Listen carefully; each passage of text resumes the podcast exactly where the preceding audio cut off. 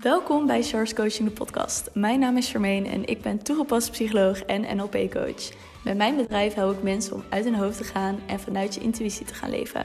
Dit doe ik door praktische psychologie met spiritualiteit te combineren. In Charles Coaching de podcast interview ik experts op het gebied van spiritualiteit en psychologie. In mijn journey kwam ik erachter hoeveel er werd aangeboden. Op het gebied van psychologie, maar ook op het gebied van spiritualiteit. En voor mijn gevoel mocht dat wat meer overzichtelijk worden. Dus ben ik dit platform gaan aanbieden, zodat jij een overzicht hebt van alles wat wordt aangeboden op het gebied van spiritualiteit en psychologie. Ik wens je veel plezier met het luisteren naar deze geweldige interviews en gesprekken. Hallo lieve luisteraar, welkom terug bij weer een nieuwe podcastaflevering. Ik zit in de tuin van mijn hostel in Pisa. We zijn net in Pisa geweest en we zijn ook in Lucca geweest. Ehm, en we zijn bij Sint-Thierry geweest en nog een ander dorp hiernaast. Dus we hebben de afgelopen dagen weer heerlijk een gedeelte van Italië kunnen ontdekken. We kwamen vorige week van Florence en mocht je een keer daar naartoe gaan, ga dan naar de Student Hotel. Want oh my god, dat is echt zo'n chill hotel. Je hebt een uitzicht ehm, vanuit het zwembad op de rooftop over de stad. De fitnessruimte is ook op de zesde verdieping. Dus daarbij heb je ook uitzicht over de stad. En het is daarnaast ook gewoon een super chill hotel met super veel jonge mensen, wat echt ontzettend leuk is. En ook Hostel Pisa, uh, Stay Safe Pisa, is ook een super leuk hostel met heel veel jonge mensen. En best wel veel mensen gaan, vanaf hier naar verschillende plekken toe. Want wij waren eerst van plan om in een van de dorps van Sint-Thierry te zitten, La Spezia. Uh, en uiteindelijk waren er meiden bij ons in de kamer die zeiden van ja, wij hebben ervoor gekozen om hier in de kamer te zitten. Twee Nederlandse meiden. En vanuit hier naar allerlei plekjes te gaan. En toen dachten we, oh, dat is eigenlijk best wel fijn, want dan hoeven we niet weer onze spullen mee te zuilen. Dus laten we dat ook gewoon doen. Dus we zijn nu al drie dagen hier, vier dagen. En morgen gaan we dan richting Rome, wat echt super vet is. En naast dat we lekker aan het rondreizen zijn, hebben we natuurlijk ook een aantal processen waar we doorheen gaan. Want wij gaan volgende week dinsdag naar Ibiza. En drie dagen daarna gaan we iets heel bijzonders doen op Ibiza. En als je me al volgt op Instagram, dan heb je het al een beetje meegekregen. Volg me daar nog niet, volg me dan via Coaching. Kan je ook vinden in de show notes. Maar wat wij gaan doen is San Pedro. Misschien heb je daarvan gehoord, misschien ook niet. San Pedro is een cactus die voornamelijk in Zuid-Amerika wordt gebruikt. En het verhaal hieromheen is best wel mooi, vind ik zelf.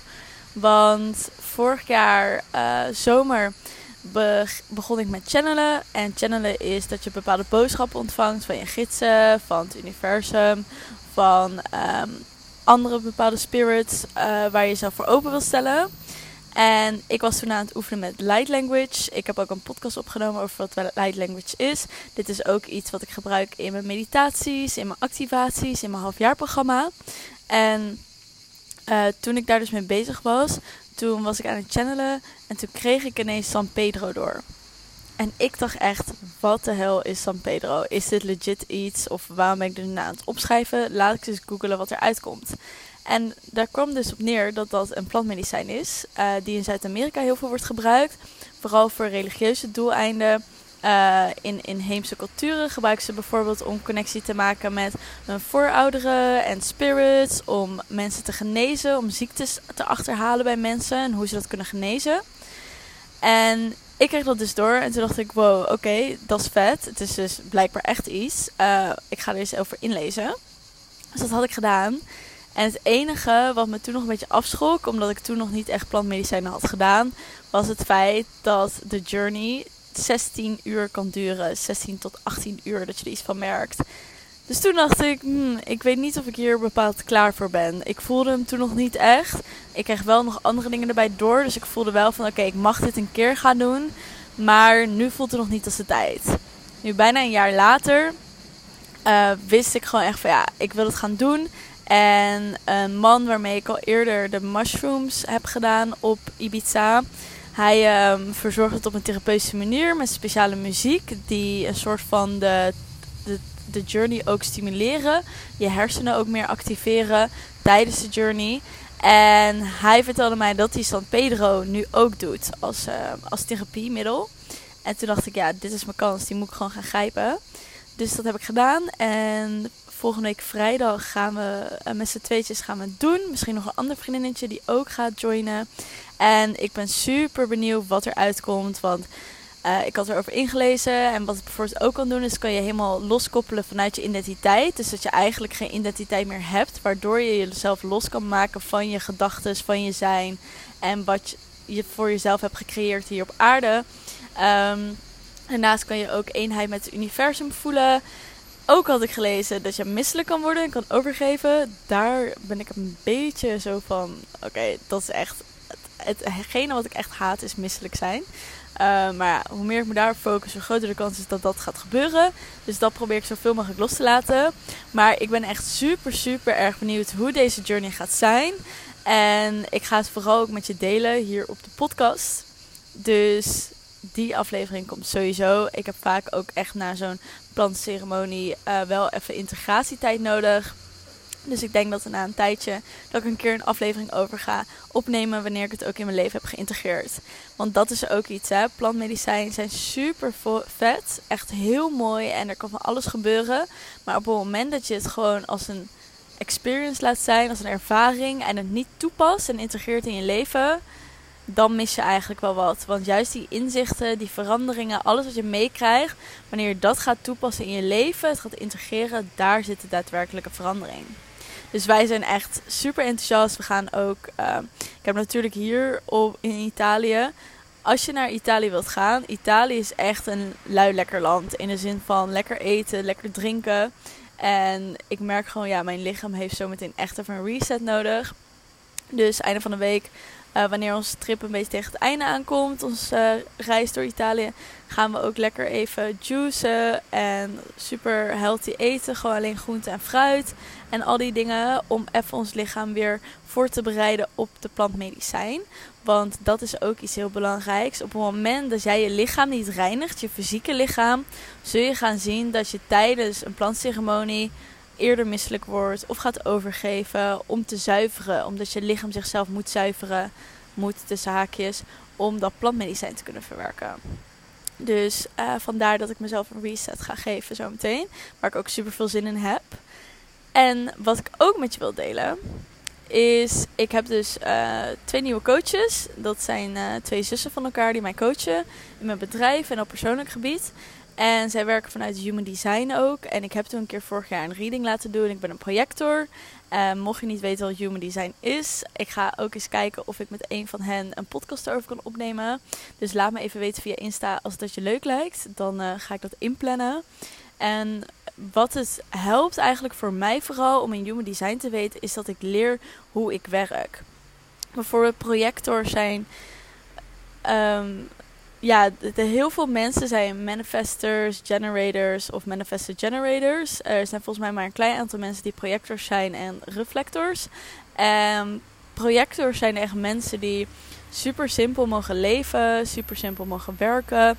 Die vanuit ease en flow aan de slag mogen. Die mogen wachten op een uitnodiging in plaats van husselen en achter mensen aangaan. Dus het verklaarde heel veel voor mij. Want op het moment dat ik stage liep in Barcelona, 3,5 jaar geleden, toen was ik 9 tot 5 aan het werk. En toen dacht ik, dit is wat ik dus niet ga doen de rest van mijn leven. Want dit past totaal niet bij me. Ik vind dit helemaal niks. En toen kwam al het idee van een eigen bedrijf. Nou, fast forward heb ik dat eigen bedrijf en kan ik zelf mijn uren indelen. En wat voor mij gewoon heel helder werd, is van hé, hey, dat werkt oprecht voor mij. Ik probeer bijvoorbeeld vaak ook bij andere ondernemers te kijken van hé, hey, wat doet zij? Wat pik ik daarin mee op? Wat vind ik daarvan tof? Uh, maar vaak ga je toch hun manier van werken volgen. Of tenminste, dat heb ik. Wat mij bijvoorbeeld super tof leek, was gewoon veel vaker dit soort persoonlijke podcasts opnemen.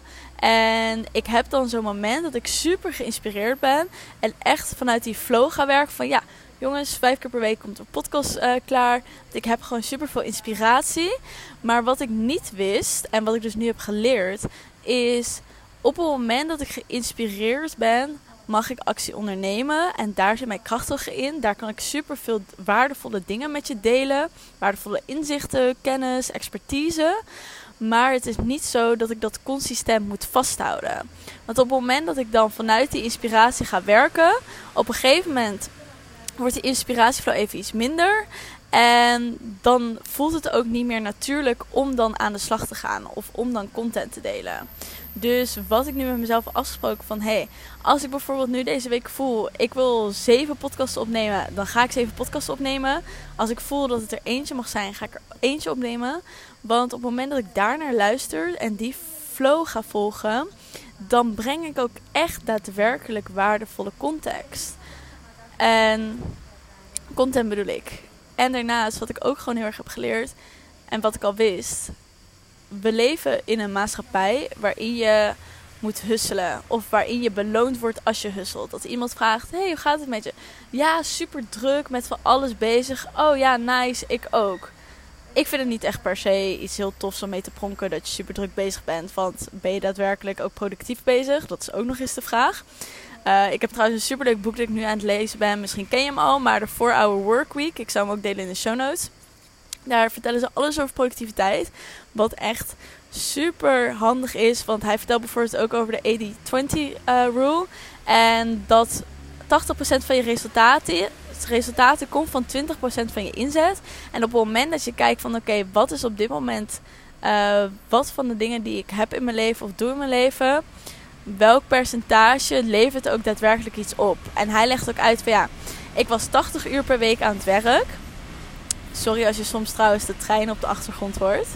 Um, maar wat hij dus ook zei van ik had uh, eh, 130 klanten. En maar 20% van die klanten leverden daadwerkelijk het resultaat op dat mijn bedrijf liet uh, ja, inkomen gaf. Dus hij heeft die 20% gehouden. De rest heeft hij gewoon laten zijn voor wat het is. En heeft hij niet meer hard zijn best voor gedaan. En die 20% waar hij zich op focuste, die leverde hem nog meer omzet op. Waardoor hij minder uren werkte en meer omzet kreeg. Dus druk zijn betekent niet dat je productief bent. Dat wilde ik daarmee gaan zeggen.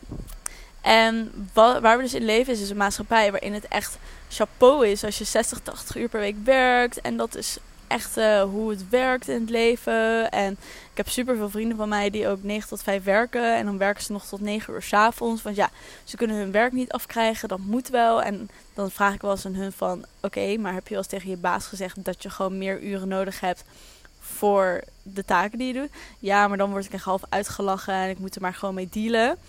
Ja, dat super leuk hoor dat dat allemaal uh, gebeurt. Maar dat werkt natuurlijk niet. Zo werkt iedereen zich in een burn-out op de leeftijd van 24 of 26. En daar van een burn-out mag je best wel lang gaan herstellen. Dat is ook niet per se de bedoeling. En wat het ook is, niet iedereen is daarvoor gemaakt. Zoals ik ben een projector, ik ben daar niet voor gemaakt. Voor mij is simpelheid is hoe ik het beste kan werken. En wat zoveel waardevolle inzichten en processen voor mij geeft en voor mijn klanten. Dus als ik nu 80 per uur per week ga werken, dat werkt niet. Dat, is, dat gaat voor mij gewoon, dan werk ik mezelf in een burn-out. Letterlijk. En dat heb ik al twee, drie keer bijna gedaan. Uh, omdat ik dat niet wist. En wat ik wel heb, heb geleerd, ook door dus te reflecteren, is bijvoorbeeld begin dit jaar ging ik steeds meer naar achter. Ging ik me focussen op de dingen die daadwerkelijk me iets opleverden. En waar ik heel veel plezier uit haalde in mijn werk. Werkte ik misschien 10, 12 uur per week. En ik had een driedubbele omzet dan voorheen. Dus wat ik merkte was van hé, hey, nu ik meer weet over dat een projector vanuit simpelheid werkt, niet hoef te husselen, want dan krijg ik juist het tegenovergestelde en juist vanuit ease en flow mag gaan werken en vanuit de geïnspireerde actie ook, dat werkt voor mij het beste. Dus laat ik dat toepassen, want dat heeft blijkbaar al een keer gewerkt. En op de momenten dat ik wel ga husselen, dan moet ik weer bijna drie weken gaan herstellen en val ik bijna in een burn-out. Dus wat ik nu aan het doen ben, is echt gewoon kijken: oké, wat zijn dingen die mij het meeste iets opleveren? Wat kan ik vooral uit handen gaan geven? En op wat voor manier kan ik in mijn simpelheid stappen? Dus voor mij werkt dat gewoon heel goed om gewoon vanuit die geïnspireerde actie te werken. En vanuit als ik iets aanvoel van hé, hey, ik wil dit delen of ik wil iets over vertellen. Of dit is echt een super mooie boodschap die ik doorgechanneld heb gekregen. Dat ook delen. En niet de standaard regels die je overal meekrijgt als je ondernemer bent. Van ja, je moet zoveel per week moet je content plaatsen. En je moet dit doen en je moet dat doen en je moet zus doen en je moet zo doen. Voor mij werkt dat niet. Dus ik ben nu mee bezig, wat werkt er wel voor mij? En dat is vanuit die geïnspireerde actie werken, vanuit mijn intuïtie gaan handelen en aanvoelen van wat mag ik delen, wat mag ik vertellen, wat mag ik ontvangen. En ook gewoon heel erg content zijn met hey, dit, dit kan zo kan het leven ook zijn. Ik kan reizen en gewoon mijn ding doen terwijl ik vanuit die geïnspireerde actie en flow aan het werk ben. En dat ik waardevolle content met mijn volgers en mijn klanten deel vanuit die diepste kern die ik op dat moment voel. Omdat dat zo waardevol is en omdat ik daarin echt mijn wijsheid met je kan delen. Net zoals ik nu doe. Ik voelde echt zo van: hé, hey, ik wil hier wat over vertellen. Laat ik er een podcast over opnemen. In plaats van dat ik er nu tien ga opnemen, omdat het een verplichting is.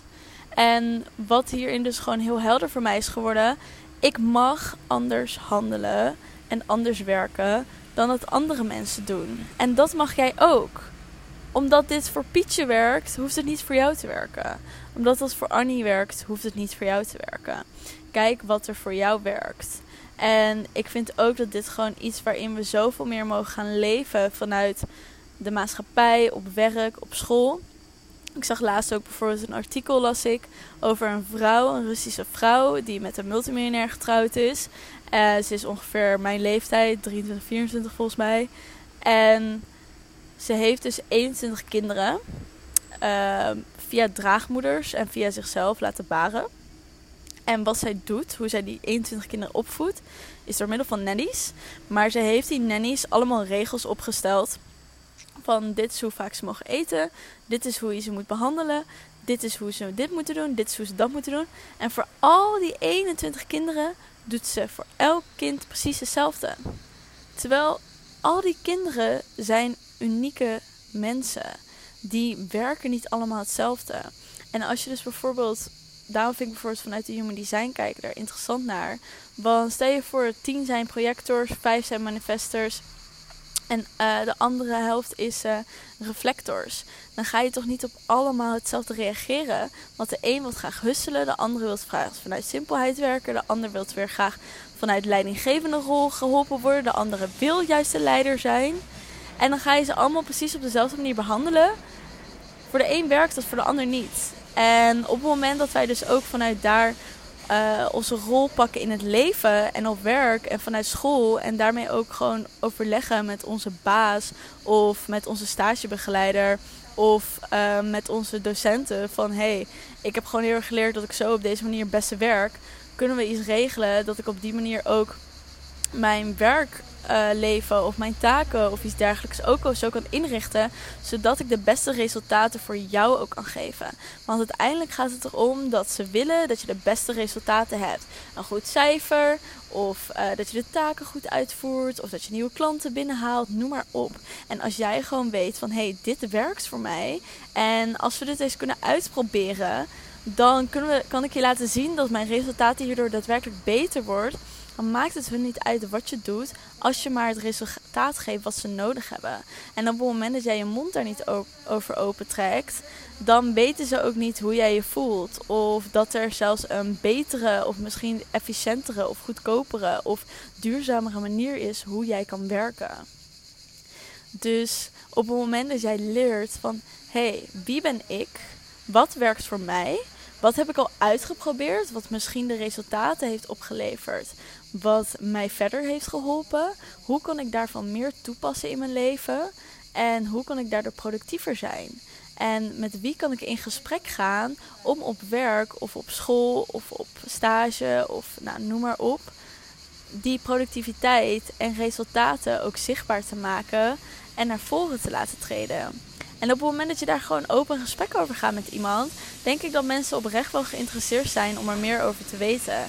En je helpt niet alleen jezelf, maar ook je baas bijvoorbeeld, om die betere resultaten te genereren.